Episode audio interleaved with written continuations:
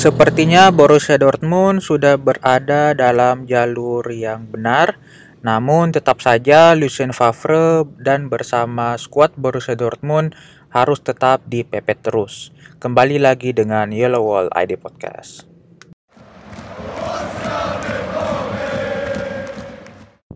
Uh, mungkin untuk uh, reminder aja kalau akun Twitter Yellow Wall ID yang lama yaitu yellow underscore wall underscore ID itu udah dikembalikan oleh pihak Twitter jadi akun yang akun backup Yellow Wall ID 2 itu udah dinonaktifkan. Uh, Oke, okay, kita masuk ke pembahasan review pertandingan Borussia Dortmund minggu ini.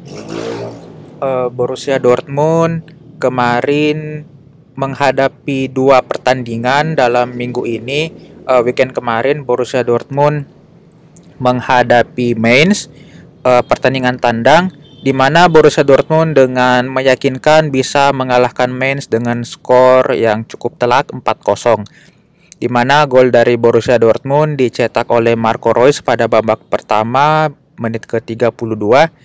Kemudian pada babak kedua Borussia Dortmund menambah 3 gol yaitu gol dari Jadon Sancho menit ke-66 dari asis yang sangat spektakuler dari dan Axel Zagadou, kemudian uh, Torgan Hazard menit ke-69 dan ditutup oleh gol perdana dari Nico Schulz pada menit ke-84. Borussia Dortmund menurunkan formasi 3 uh, 4-3 ya bisa dibilang uh, Lucien Favre sepertinya sudah amat uh, udah amat sangat uh, menjadikan uh, formasi 3 back ini menjadi formasi default dari Borussia Dortmund yaitu kiper tetap uh, Roman Burki. Kemudian untuk tiga center back uh, ada Zagadou, Mats Hummels dan Manuel Akanji. Kemudian untuk posisi tengah uh, ada Julian Brand kemudian Julian Weigel kemudian untuk sisi samping ada Hakimi dan uh, Nico Schulz yang menggantikan uh, Rafael Guerrero Kemudian untuk posisi depan udah tidak tergantikan ada Jadon Sancho, Marco Reus dan Torgan Hazard. Kalau melihat dari statistik uh, permainan Borussia Dortmund sangat menguasai pertandingan kemarin dengan uh, ball possession 63% untuk Borussia Dortmund berbanding 37% untuk Mainz. Bahkan untuk uh, jumlah tembakan aja 18 berbanding 9 untuk Borussia Dortmund yang di mana tujuhnya itu uh, on target dan empatnya membuahkan gol. Bahkan untuk uh, jumlah passing aja Borussia Dortmund melakukan 60 650 passing yang 6, 86 persennya itu nah 86 persennya itu akurat. Kalau uh, review singkat sih uh, formasi 343 dari Borussia Dortmund udah semakin solid uh, apalagi udah dites saat melawan Slavia Praha. Uh, meskipun pada babak pertama melawan Mainz Borussia Dortmund sempat agak kesulitan, namun pada babak kedua Borussia Dortmund udah semakin menjadi-jadi uh, dengan beberapa perubahan detail dari Lucien Favre pada uh, istirahat babak ke pada istirahat babak pertama. Dan pada pertandingan kemarin itu Burki yang bisa dibilang habis kerja keras saat melawan Slavia Praha itu diistirahatkan oleh para pemain Borussia Dortmund karena praktis si Roman Burki sepertinya tidak mel banyak melakukan uh, apa ya banyak melakukan aksi bahkan uh, hampir tidak kelihatan pada pertandingan kemarin dan yang menjadi uh, menjadi pencuri apa ya bisa yang mencuri perhatian kemarin adalah si dan, dan Axel Zagadou karena selain dari performa bertahannya yang sangat apik dengan melakukan uh, memenangkan 4 dari 5 duel udara kemudian uh, ternyata si dan Axel Zagadou ini melakukan solo run yang berbuah satu asis kepada Jadon Sancho Bahkan untuk kontribusi penyerangannya pun si Zagadou ini melakukan dua umpan kunci, kemudian berhasil melakukan dua dari dua kesempatan dribble, kemudian 62 dari 69 kesempatan umpannya pun um, tepat sasaran, bahkan 11 dari 13 percobaan bola panjangnya pun menemui sasaran.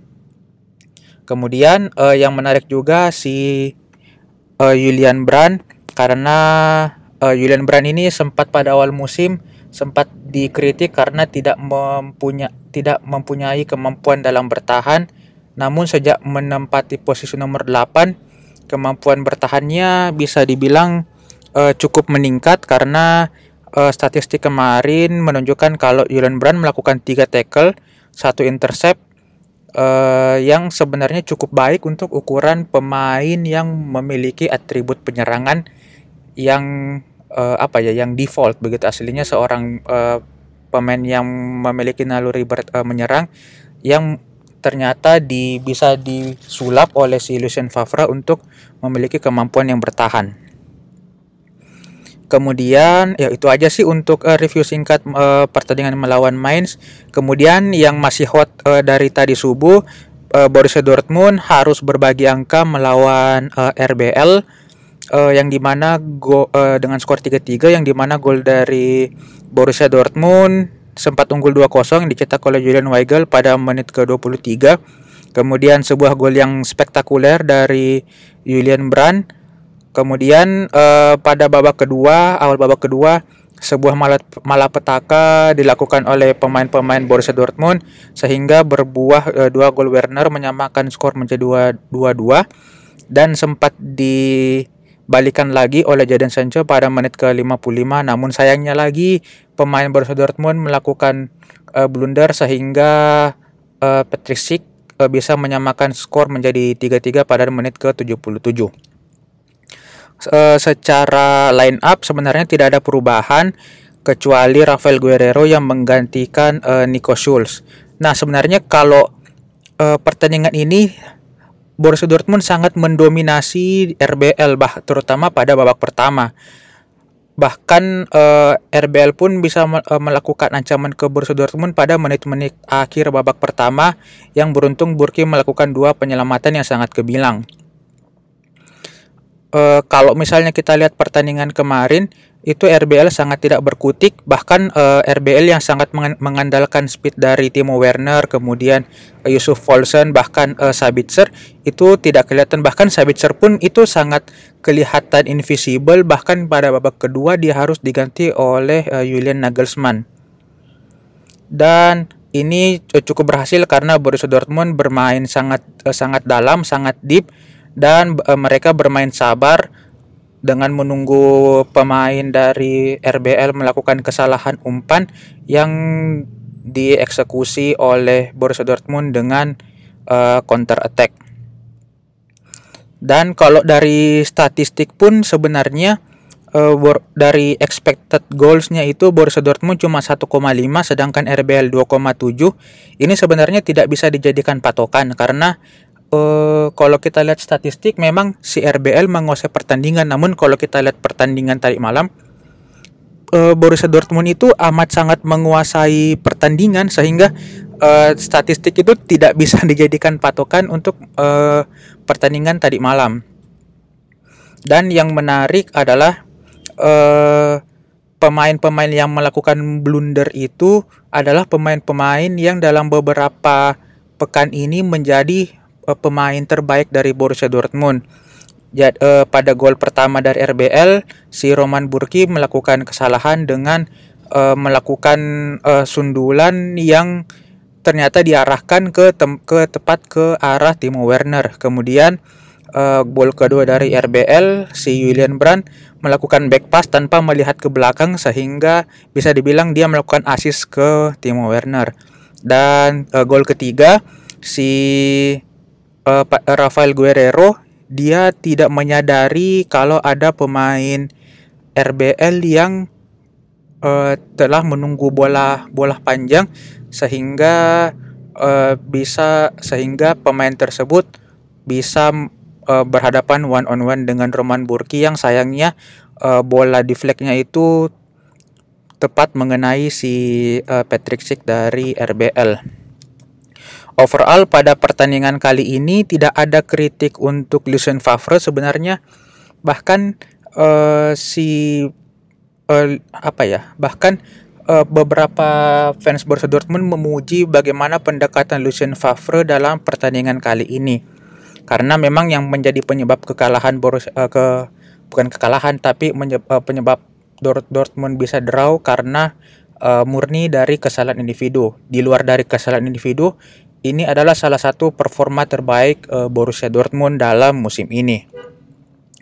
Mungkin yang banyak uh, memprotes uh, Favre itu karena Lucien Favre hanya menggunakan dua uh, pergantian pemain, padahal masih ada Mahmud uh, masih ada Mario Götze dan Paco Alcacer di bangku cadangan. Sebenarnya ini masih bisa di apa ya masih bisa diterima karena turning point dari Borussia Dortmund adalah saat si Jadon Sancho cedera sehingga uh, praktis kemampuan penyerangan Borussia Dortmund itu menurun cukup signifikan dan pada benchnya pun juga Borussia Dortmund tidak punya pemain pelapis yang bisa menggantikan kemampuan dari Jadon Sancho.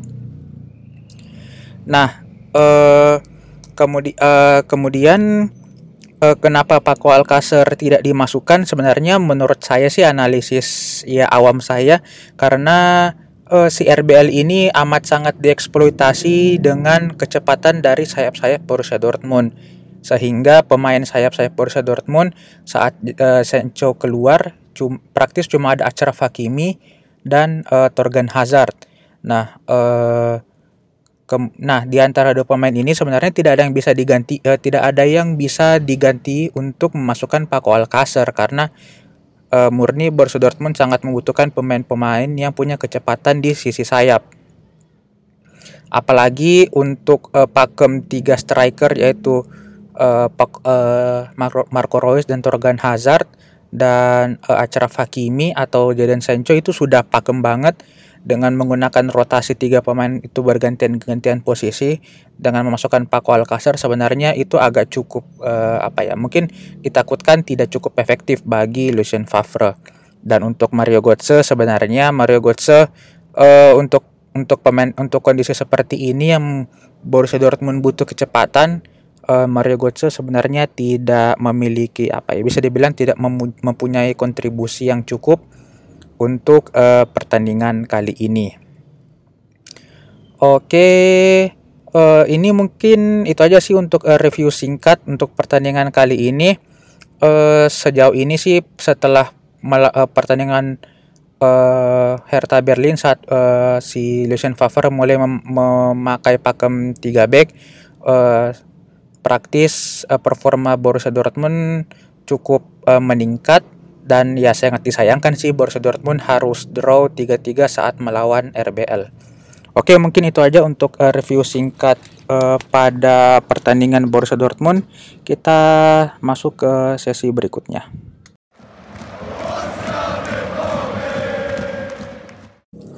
Oke, untuk uh, sesi kedua kali ini saya bakalan recap berita-berita uh, tentang Borussia Dortmund dan yang paling hangat dalam satu minggu ini adalah berita tentang transfer pemain Borussia Dortmund yang masuk dan yang keluar. Uh, kita mulai dari yang masuk dulu. Yang paling hot ini adalah si Haaland, pemain dari RB Salzburg uh, yang sangat apa ya lagi lagi digadang-gadang uh, mendekat ke Borussia Dortmund karena sempat ada kabar kalau si Haaland dan agennya Mino Raiola datang ke markas Borussia Dortmund. Namun ternyata Selain dari Borussia Dortmund, pada hari itu juga si Halan juga berkunjung ke markas dari RBL. Jadi si Halan ini pemain yang uh, fenomenal uh, saat ini itu diincar empat tim. Saat ini ada Borussia Dortmund, ada RBL, kemudian ada Manchester United dan Juventus.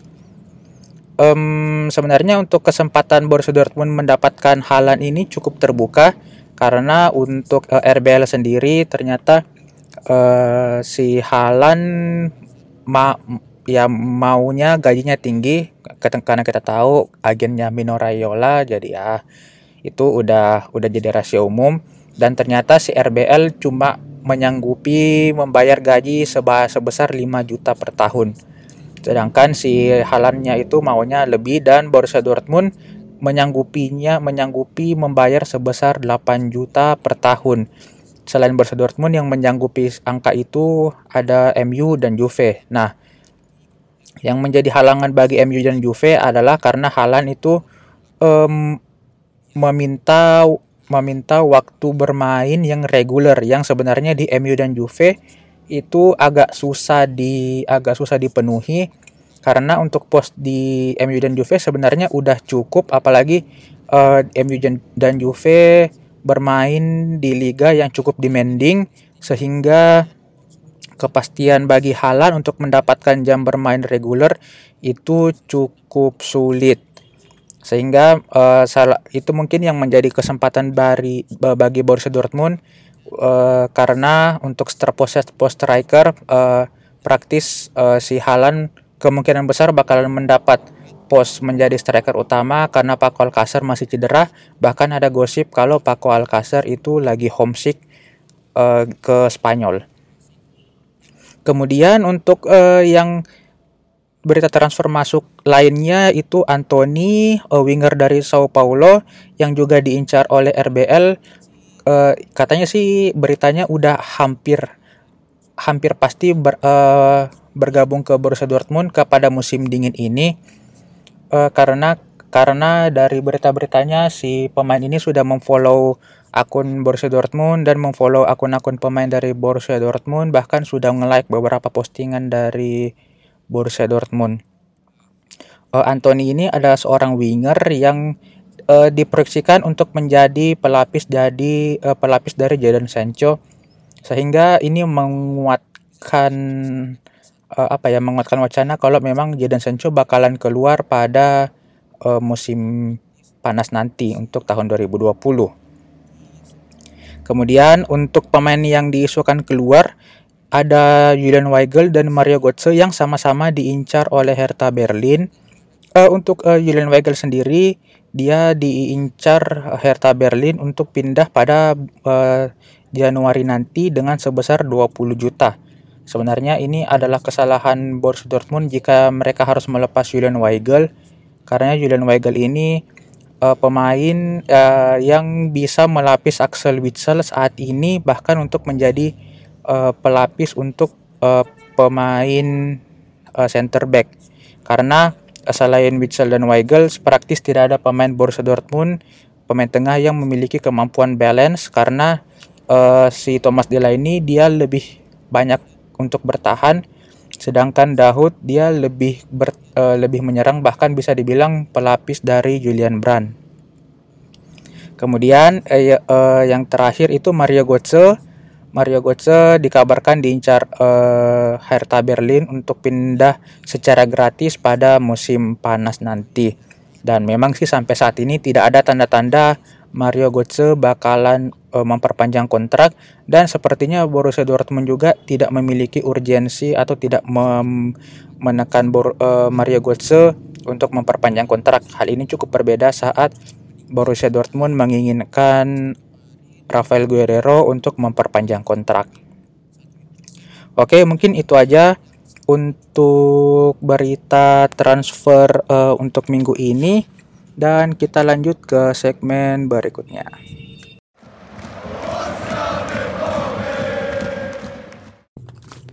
Akhirnya setelah episode kemarin saya berharap Borussia Dortmund bakalan bertemu PSG dan akhirnya keinginannya terkabul. Jadi pada babak knockout nanti Borussia Dortmund akan menghadapi PSG uh, yang di mana pada pertemuan pertama Borussia Dortmund akan bertindak sebagai tuan rumah dan pada pertemuan kedua PSG akan menjadi tuan rumah dan yang menariknya karena pada leg kedua nanti eh, PSG eh, bakalan bermain di kandangnya yang di mana saat itu pada tanggal 11 Maret bertepatan dengan hari ulang tahun dari adiknya Neymar. Karena kita tahu sudah menjadi rahasia umum kalau Neymar pada saat hari ulang tahun adiknya dia tidak bakalan main untuk uh, timnya tersebut. Dan pada pertandingan kali ini bakal menjadi reuni bagi Thomas Tuchel yang bakalan kembali bersama um, bertemu dengan Borussia Dortmund juga ada Abdou Diallo yang baru-baru aja pindah pada musim kemarin dan si Akdan Axel Zagadou yang bakalan kembali ke PSG uh, karena Zagadou sebelumnya adalah pemain dari akademi uh, PSG. Kalau melihat dari secara kualitas pemain, sebenarnya PSG berada bisa dibilang satu atau dua level berada di atas Borussia Dortmund secara kualitas individu karena PSG diisi oleh pemain-pemain seperti Neymar, Mbappe, kemudian ada Icardi, Cavani, Di Maria. Namun uh, secara kualitas, secara kolektivitas uh, Borussia Dortmund tidak kalah bahkan bisa dibilang lebih bagus daripada uh, PSG. Sehingga uh, pertandingan pertandingan nanti ini bakalan uh, seru karena uh, hampir pasti juga Borussia Dortmund bakalan ada satu striker yang baru dan uh, Axel Witsel juga bakalan sembuh pada bulan Januari nanti dengan harapan tidak ada pemain inti Borussia Dortmund yang cedera sehingga Borussia Dortmund bisa full team saat melawan PSG nanti. Kemudian juga uh, eh, PSG agak kesulitan untuk lolos dari babak knockout uh, Liga Champion uh, karena sebelumnya mereka sempat kena remontada melawan Barcelona dan musim lalu mereka bahkan uh, gugur oleh Manchester United pada menit-menit terakhir. Uh, kalau berbicara dari statistik pertemuan, uh, Borussia Dortmund dan PSG kayaknya baru dua kali bertemu, itu pun pada tahun 2010-2011 saat fase grup uh, Europa League. Uh, dua pertandingan tersebut berakhir dengan draw yaitu 0-0 dan 1-1.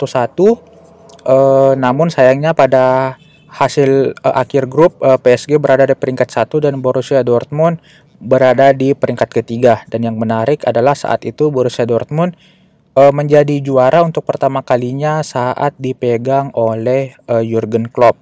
Jadi pada pertandingan nanti bakalan menjadi uh, pertemuan uh, pertama yang bakal menentukan uh, siapa yang bakalan menang di antara dua tim ini.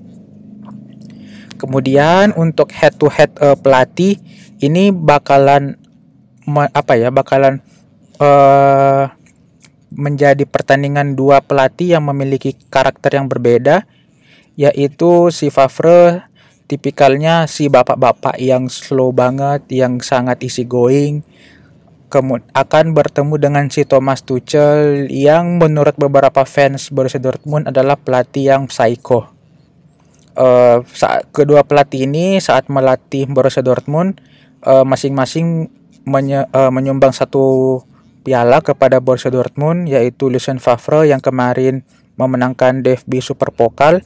Kemudian Thomas Tuchel pada musim terakhirnya sebelum dipecat menyumbangkan DFB Pokal pada musim 2016-2017.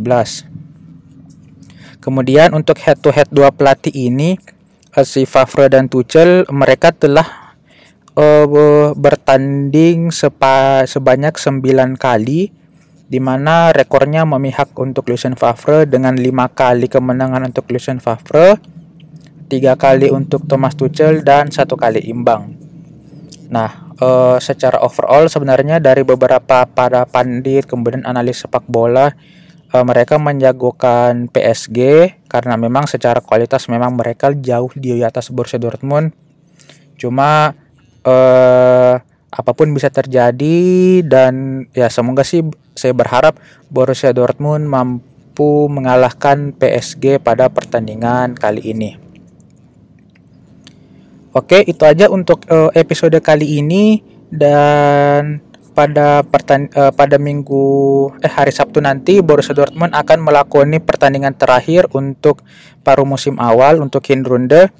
Uh, Borussia Dortmund akan tandang di kandang Hoffenheim pada hari Sabtu nanti. Um, dan ini akan menjadi pertandingan terakhir sebelum istirahat dan semoga Borussia Dortmund bisa menutup kemena uh, menutup tahun ini dengan kemenangan dan melanjutkan tren positif dalam satu bulan ini. Oke, itu aja untuk episode kali ini dan sampai jumpa di episode berikutnya.